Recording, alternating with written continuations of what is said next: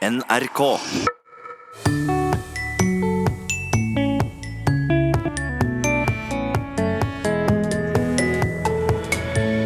Hva skiller ordene endene og endene?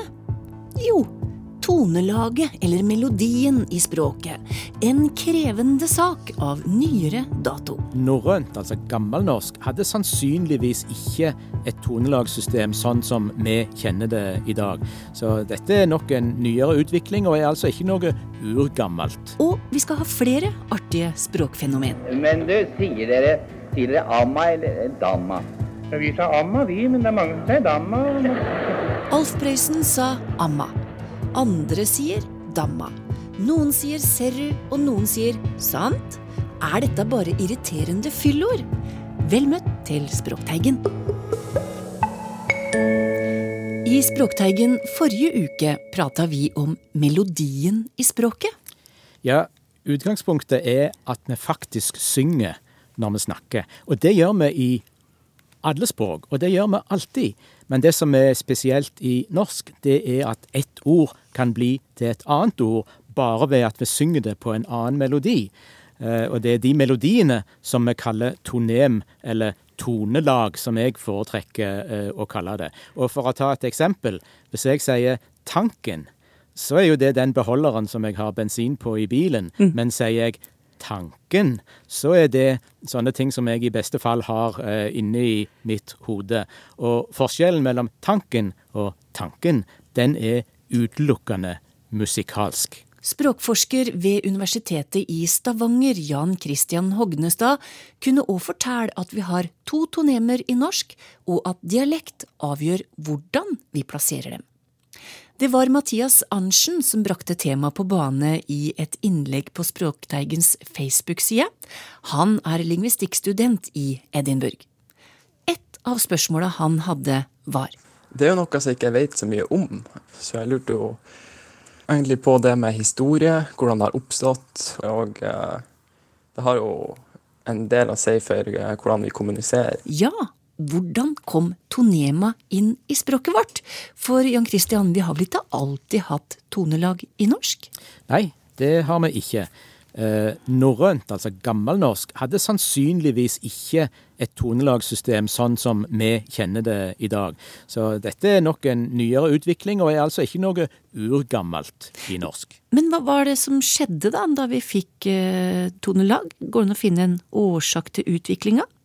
Ja, her er nok forskerne ikke helt enige, men nå var det meg du spurte, og da er det mitt svar du får. Ja. Alle sett av tonelagsmelodier, altså melodi 1 og melodi 2, inneholder en høy tone, det vi kan kalle en tonetopp.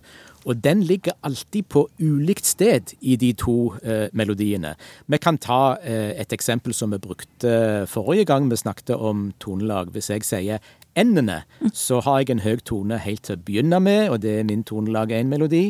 Og sier jeg endene, så har jeg en høy tone som ligger litt lenger ute, og det er min tonelag 2-melodi.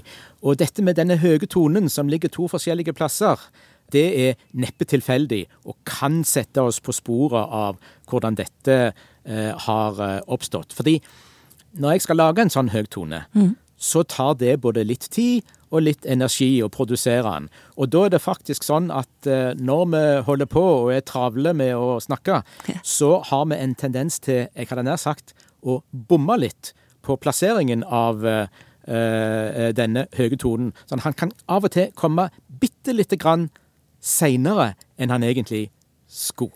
Så vi slurver litt, altså. ja, det kan du si. Eh, Selv om dette er helt naturlig og sånn sett kanskje ikke skal kalles eh, slurv.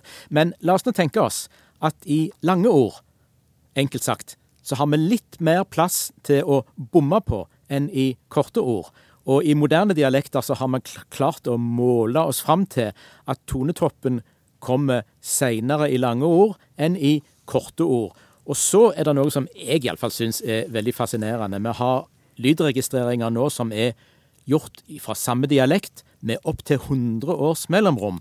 Og der kan vi se noe som er rart, nemlig at disse tonetoppene i begge melodiene flytter seg langsomt, men sikkert utover i ordet som en del av dialektutviklingen. Og noen ganger kan han faktisk hoppe over på neste stavelse, noe som etter mitt syn bl.a. har skjedd i Stavanger. Jeg kan prøve å demonstrere det, selv om jeg ikke har stavangerdialekt uh, sjøl. Mange i Stavanger sier f.eks. rødvin med den høye tonen helt først. Men i dag er det veldig mange som sier rødvin, og skyver den høytonen over på neste stavelse. Men begge deler er tonelag én, så sånn kan dialekter altså endre seg når det gjelder tonelagsmelodiene. Men nå har jeg hørt deg snakke om sånn som det er i dag.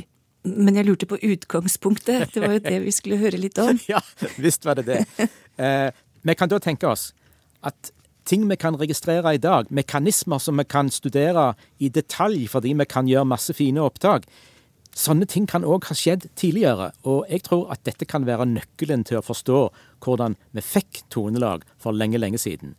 For jeg tror at eh, de to melodiene kan ha oppstått, altså forskjellen mellom de, kan ha oppstått i kraft av ulik grad av sånn høyreforskyvning, for å kalle det det, av tonetoppen i ulike ord.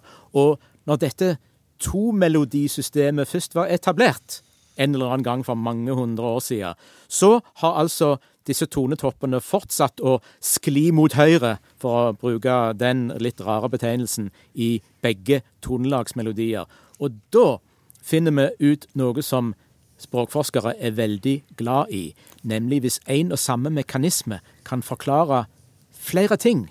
Og da tror vi altså at denne høyreforskyvningen av tonetopper både kan forklare hvordan tonelagssystemet oppsto, og hvorfor dialektvariasjonen er så stor som den er i dag. For den svære variasjonen i melodier som vi har i tonelagene i norske dialekter, har nettopp å gjøre med disse tonetopplasseringene. Og nå skal vi ikke tro at dette som kanskje høres veldig rart og eksotisk ut, er noe som er spesielt for norsk, for det er det ikke.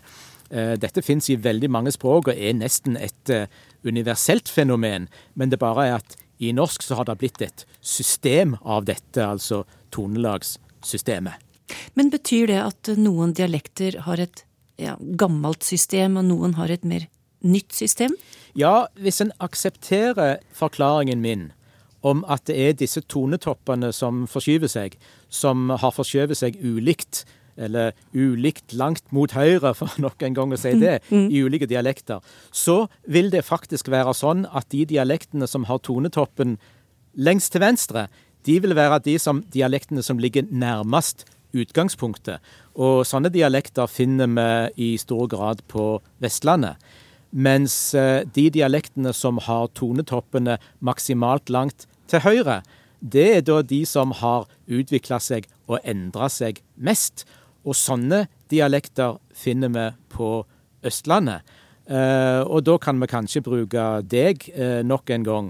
Ja. Uh, nå kan vi gå tilbake til et eksempel som vi brukte sist, med bensintanken og tanken i hodet. Mm. Hvis du kan si de to ordene i isolasjon.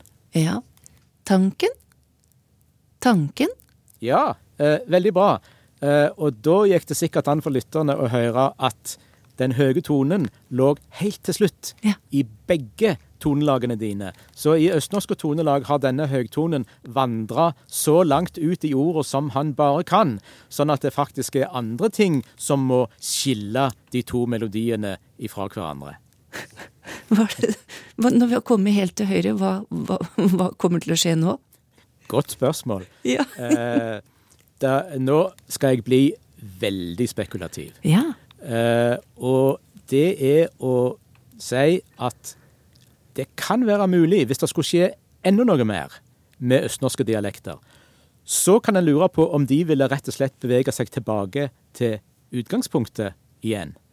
Eh, og da kunne en tenke seg at eh, både tonelag og andre språkfenomener går i sånne store sirkelbevegelser. Uh, og at det vi kan registrere til enhver tid når vi hører på ulike dialekter, det er bare hvor en gitt dialekt for øyeblikket ligger uh, i denne sirkelbevegelsen. Så vi skal ikke utelukke at siden de høye tonene ligger så langt til høyre, at de ikke kan at det ikke kan skje enda en ny utvikling i østnorske dialekter. Men nå er vi eh, ute av vitenskapen og over på spekulasjonene. Ja, nemlig. Og da passer det kanskje å avslutte våre to kapitler om melodien i språket.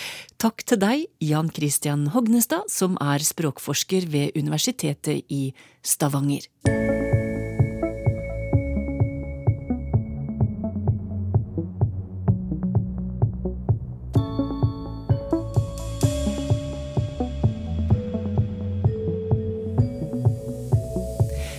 Vi har gjort et lite dykk i arkivet fra i fjor denne uka her, og funnet et par saker som vi mener fortjener et gjenhør.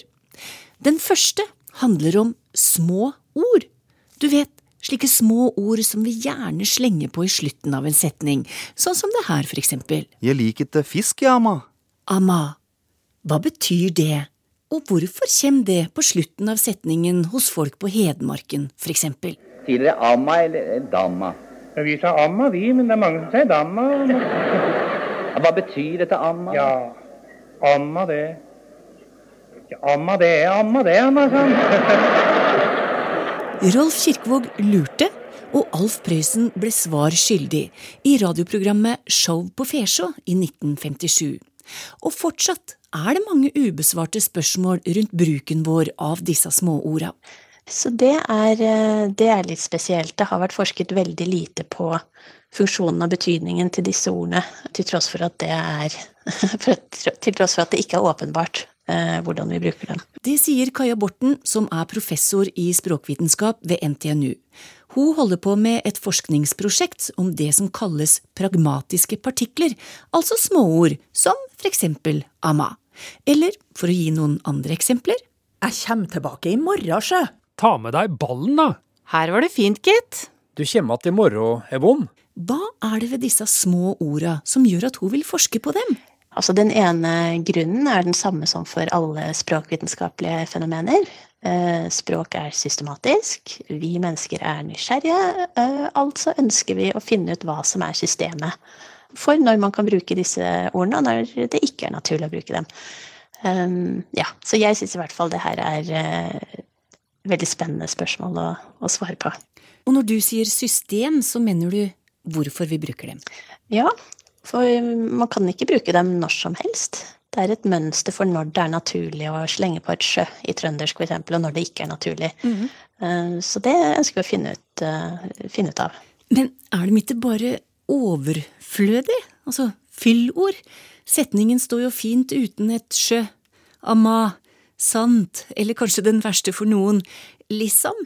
Ja, eh, de blir gjerne sett litt ned på. Eh, Man hører ofte litt sånn nedlatende eh, ytringer om denne typen ord. Altså i begrepet fyllord Ja. så ligger det jo at de ikke har så vesentlig betydning selv, men bare er der for å fylle et tomrom. Men der, men der tror jeg folk rett og slett tar litt feil. Hvordan kan du si det? Nei, altså hadde, hadde disse ordene vært helt overflødige, så hadde vi ikke brukt dem. Sånn er språket. Eh, og dessuten, når man begynner å se på, se på samtaler, eh, og se på når eh, disse ordene brukes, så ser man at det er et mønster. Og at det er visse effekter av disse ordene, selv om det ikke er så lett for språkbrukerne å sette fingeren på hva det er. Du som forsker, da, hva er det du ser? Hva er det dette her gjør i en muntlig samtale? Altså Når vi snakker sammen, så presenterer vi ofte saksforhold, påstander om verden. Eh, og det disse små ordene her gjør, det er at de ofte sier noe om eh, f.eks. hva jeg som snakker, hvordan jeg forholder meg til, eller ser på, eh, det saksforholdet som jeg beskriver. F.eks. om jeg er sikker på det jeg sier, om jeg er litt usikker på det, jeg sier, om jeg er overrasket over det jeg sier. Eller det kan handle om hvordan jeg tenker at du som tilhører skal forholde deg til innholdet i ytringen. F.eks. om jeg forventer et svar fra deg. Eller det kan si noe om eh, hvordan innholdet i ytringen relaterer seg til ting vi har snakket om tidligere. Mm. Dette er noe som står i kontrast til noe vi har snakket om tidligere, f.eks. Så det handler ikke så mye om hva jeg sier om verden, men mer hvordan jeg presenterer det. Ja, så Sånne små ord rommer egentlig veldig mye informasjon. Det gjør de. Eh, Så det, det er en veldig eh, rask måte å antyde noe om hva det er vi ønsker å kommunisere. veldig nyttige ord, faktisk.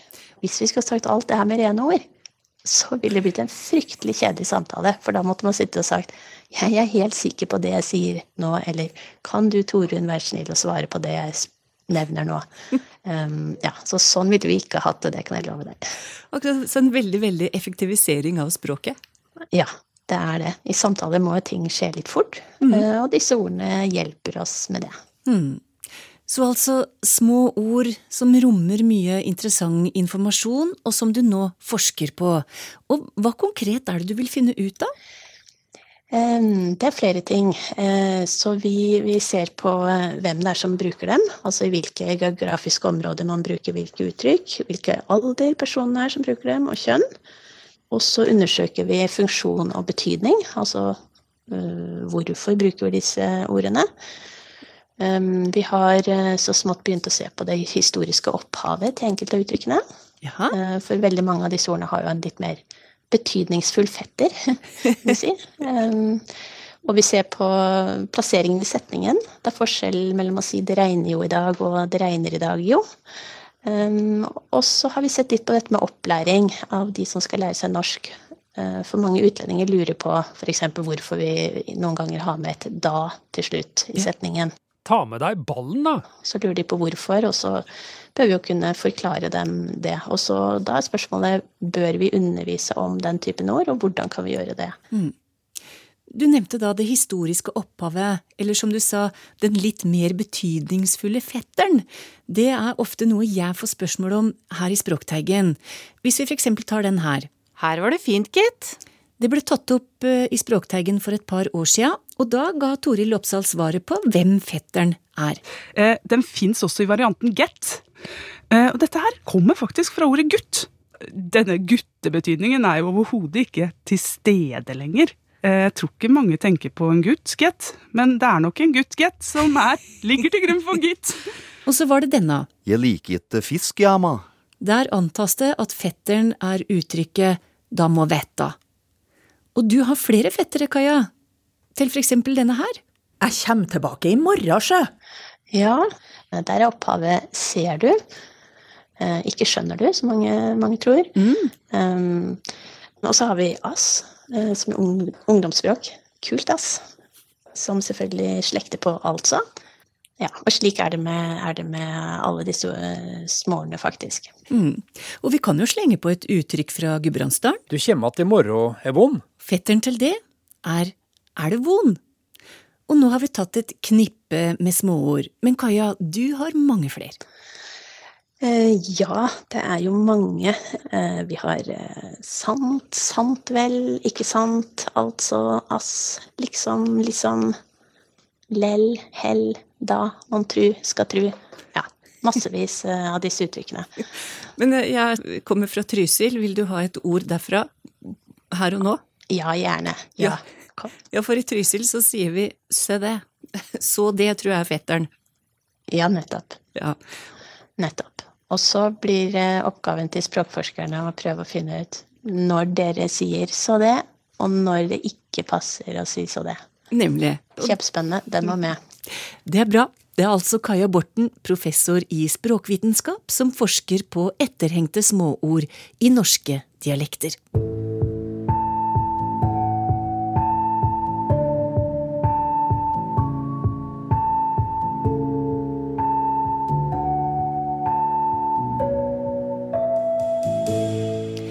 Politikk har prega starten på 2019, og i lys av det har vi funnet fram en sak fra arkivet som handler om politikk og retorikk. For er du av dem som syns det er vanskelig å forstå hva som sies i et politikerintervju, så er du nok neppe alene. Men hvorfor føles dette så vanskelig? Jo, for i en samtale eller et intervju er det vanlig høflighet å svare på det en blir spurt om, og slik er det ikke nødvendigvis i politikken. Politikere unnviker ofte å svare. Og Ide Andersen, du jobber i retorikkgruppa ved informasjons- og medievitenskap ved Universitetet i Bergen. Og hva er en svarunnvikelse? En uh, svarunnvikelse det er en retorisk manøver for å unnvike et spørsmål som man ikke har lyst til å svare på. Så det man gjør, det er at man prøver å unndra seg forpliktelser til å svare. Og det kan man gjøre både ganske åpenlyst og eh, mer skjult. Og hvordan gjøres det, da? Ja, Vi skiller hovedsakelig mellom avvisningen og forskyvningen. Så man kan si at avvisningen er en måte å unngå spørsmålet på det, mens forskyvningen er en måte å omgå det på. Mm. Vi kan høre hvordan Erna Solberg gjorde det i et intervju på Dagsrevyen. Etter å ha svart på flere spørsmål, så skjedde det plutselig noe. Hvordan vil, hvordan, hvilket belegg har du for å hevde at resultatet vil bli et annet? Men det, du, du, snakker for lavt, og jeg kan ikke gå inn i alle detaljene. Jeg har sagt hva jeg har å kommentere til dette. Så men, nå er vi ferdig. Men, men mener du at uh, resultatet ville blitt et annet med et annet utvalg? Og dermed avslutter Høyres leder intervjuet om Høyres til nå mest profilerte valgkampsak. Her hører vi jo Erna Solberg si jeg hører deg ikke, du snakker for lavt, og jeg har sagt det jeg har å si til dette. Og så hvis man ser videoklippet òg, som man jo ikke gjør på radio, så ser man òg at hun faktisk tar av seg mikrofonen og går fra intervjuet. Så det er et eksempel på en ikke så veldig elegant eh, retorisk unnamanøver, da kan man si. Og dette var en avvisning. Vanligvis skjer det kanskje ved å si ingen kommentar eller det vil jeg ikke svare på, og er ganske lett å kjenne igjen, ikke sant? Ja, eh, det legger man jo godt merke til.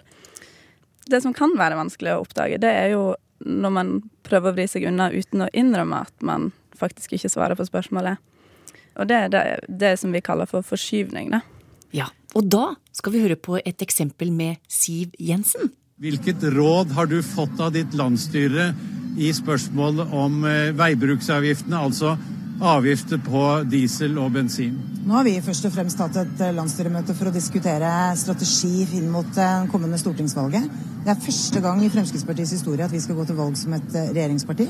Det er viktig for oss å drive en eh, god valgkamp i, eh, til høsten. Det skjønner vi, men hva, har, hva, slags råd har du fått når det gjelder eh, disse drivstoffavgiftene? Så har vi selvfølgelig også drøftet eh, budsjettspørsmål og samarbeidet mellom de fire partiene, som vi mener går veldig bra. Veldig fornøyd med mye av de resultatene vi leverer i regjering til eh, fordel for folk flest. Vi er, har alltid vært og kommer alltid til å være bilistenes parti. Som du sa, Siv Jensen forskyver spørsmålet, men hva vil det egentlig si? Jo, en forskyvning det er nærmest en slags tryllekunst, der man prøver å gi en illusjon av at man har svart. Og den, den kunsten den består i at man, man holder fast på det temaet eh, som, eh, som, ligger i spørsmålet som blir stilt, men så endrer man på perspektivet. Så man ser saken fra et mer fordelaktig eh, sted. Og det er jo egentlig den klassiske retorikken sin topikklære. Og topikk, det, det, kommer jo da fra det greske ordet topos, mm -hmm. Eh, som direkte oversatt betyr sted. Eh, så topikklæren er en metode som taleren kan bruke for å betrakte saken fra ulike steder, for å finne det perspektivet som, som får fram de sterkeste sidene av saken. Og det er det man gjør i forskyvningen. Når man forskyver et spørsmål, så endrer man ikke temaet i spørsmålet, eller man nekter ikke å svare i det hele tatt, men man endrer perspektivet i spørsmålet. På hvilken måte er det det forskyver seg her, da? Jo, vi hører jo at Siv Jensen først, først unngår spørsmålet helt. sant? I stedet for å, for å, si noe om avgiften på diesel og bensin, så, så snakker hun om Fremskrittspartiet sin eh, valgkamp.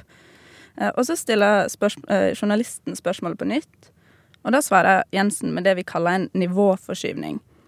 Det handler om at man endrer perspektivet enten fra det konkrete til det generelle, eller omvendt. Mm. Og så til slutt så, så endra hun perspektivet i tid. Så hun foretar det vi kaller en tidsforskyvning. Fikk du også råd om at dere skal fortsette å være regjering? Eh, Dvs. Si at dere fortsatt bør få støtte både fra Kristelig Folkeparti og Venstre? Fremskrittspartiet er veldig stolt av det vi leverer i regjering hver eneste dag. Vi har nå lavere helsekøer enn da vi, før vi gikk i regjering. ja, det, det, det, Ikke ta hele ramsen. Så vi leverer godt, og vi skal fortsette kampen mot skatter og avgifter. Vi har så langt redusert dem med 18 milliarder kroner. Her endrer Jensen perspektivet i svaret fra framtid til fortid. Hun sier vi er veldig stolt av det vi leverer. Og så starter opp denne smørbrødslista over alle politiske seire, da, som blir stoppa av journalisten, eh, før hun viser til skattene og avgiftene som allerede har blitt redusert med 18 milliarder kroner. Mm. Så blir det spurt hva skal dere gjøre, og så svarer hun med dette har vi allerede gjort. Og denne retoriske øvelsen der, den er ganske utbredt blant eh, politikere? Ja, uh, dette er ganske utbredt. Uh, Siv Jensen er ikke alene om å gjøre dette. Nei. Og vi skal ta en litt eh, annen variant fra Jonas Gahr Støre, som i siste partilederdebatt før valget i 2017 ble spurt om han er enig med Miljøpartiet i at det trengs både pisk og gulrot for å få flere til å kjøre elbil. Det nytter ikke med bare den ene halvparten av tiltakene. Men når du kjenner med pisken din, Hansen Miljø, Støre, er du enig både gulrot og pisk trengs for å nå dette ambisiøse målet? Ja, men jeg syns vi kan være litt stolte nå. For at vi er blitt et elbilforegangsland. fordi vi hadde, og det skjedde på vår vakt også, vi hadde eh, mekanismer som gjorde at det var billig å kjøpe disse elbilene. Og bilindustrien de tar signaler. Når vi har sagt 2025, så kommer de til å innrette seg etter det. Det Jonas Gahr Støre tilfører, det er å forskyve på aktør. Hva vil det si? Ja, det han gjør er altså at han inntar en annen rolle, eller han svarer vel egentlig på vegne av en annen gruppe enn det spørsmålet var tiltenkt. Fordi at han blir spurt om, eh, om han er enig i disse tiltakene som blir foreslått. Og da mm. svarer han med å si at bilindustrien, de tar signal. Og når vi har sagt 2025, så kommer de til å innrette seg etter det. Så han eh, svarer på vegne av bilindustrien da, når spørsmålet var rettet til han som politiker. Så en høytid for svarunnvikelser, det er vel en valgkamp, da, eller? Ja. Det, det er kanskje to situasjoner der det er mye svarunnvikelse. Og det ene er jo nettopp valgkampen. Eh, fordi at det er en situasjon der politikerne har vanskelig for å komme med altfor mange garantier og løfter. Fordi at de ikke vet hvor stor oppslutning de får. Og så vet de nødvendigvis ikke hvordan et regjeringssamarbeid kommer til å se ut, og hvor stor innflytelse de kommer til å få. Mm. Og Da kan det være vanskelig å gå hardt ut og love ting eh, når man etter valget må forhandle med andre parti. Samtidig så skal jo vi velgere ta et valg, og for å ta det valget så trenger vi å vite mest mulig om politikken vi stemmer på. Ja. Så det er jo òg naturlig at journalistene, som, som jo er utspørrere på vegne av oss, prøve å framtvinge garantier og løfter av politikerne. Og den andre situasjonen er der et parti går fra opposisjon og inn i et regjeringssamarbeid. Sånn, igjen er det dette med at når man skal samarbeide, så må man gjerne inngå kompromiss. Og Det betyr at standpunkt partiet tidligere har fremma, ikke nødvendigvis er forenlig med den politikken de må være med på å føre. Mm. Da får vi ofte sånn forklaringsproblemspørsmål der eh, der det blir antyda at politikeren har et for forklaringsproblem. Bryr publikum seg om det? Er det gjort undersøkelser på det? Ja, altså Vi ser jo i noen studier som er gjort um, Jeg har noen kollegaer som har gjort en studie i Norsk medborgerpanel, og at publikum for det første ikke syns at uh, debattene er særlig informative. De syns det er spill og strategi og sirkus. Og vi ser òg at folk reagerer ganske negativt når de ser på debattene underveis da, så reagerer de negativt på brudd på samtalenormen. Da. De, de reagerer negativt både på svarunnvikelser, men òg på f.eks. avbrytelser. Mm. Og vi ser liksom, tendenser til at den frustrasjonen skaper en form for politikerforakt, fordi det, frustrasjonen rettes alltid mot politikerne, eh, og veldig sjelden mot formatet eller mot journalisten. Så neste gang du sliter med å forstå en politiker, så kan du jo forske litt på om du finner forskyvingen i svaret. Takk til deg, Ida Andersen, som er stipendiat ved Universitetet i Bergen. Og det var Språkteigen i dag. Vi høres.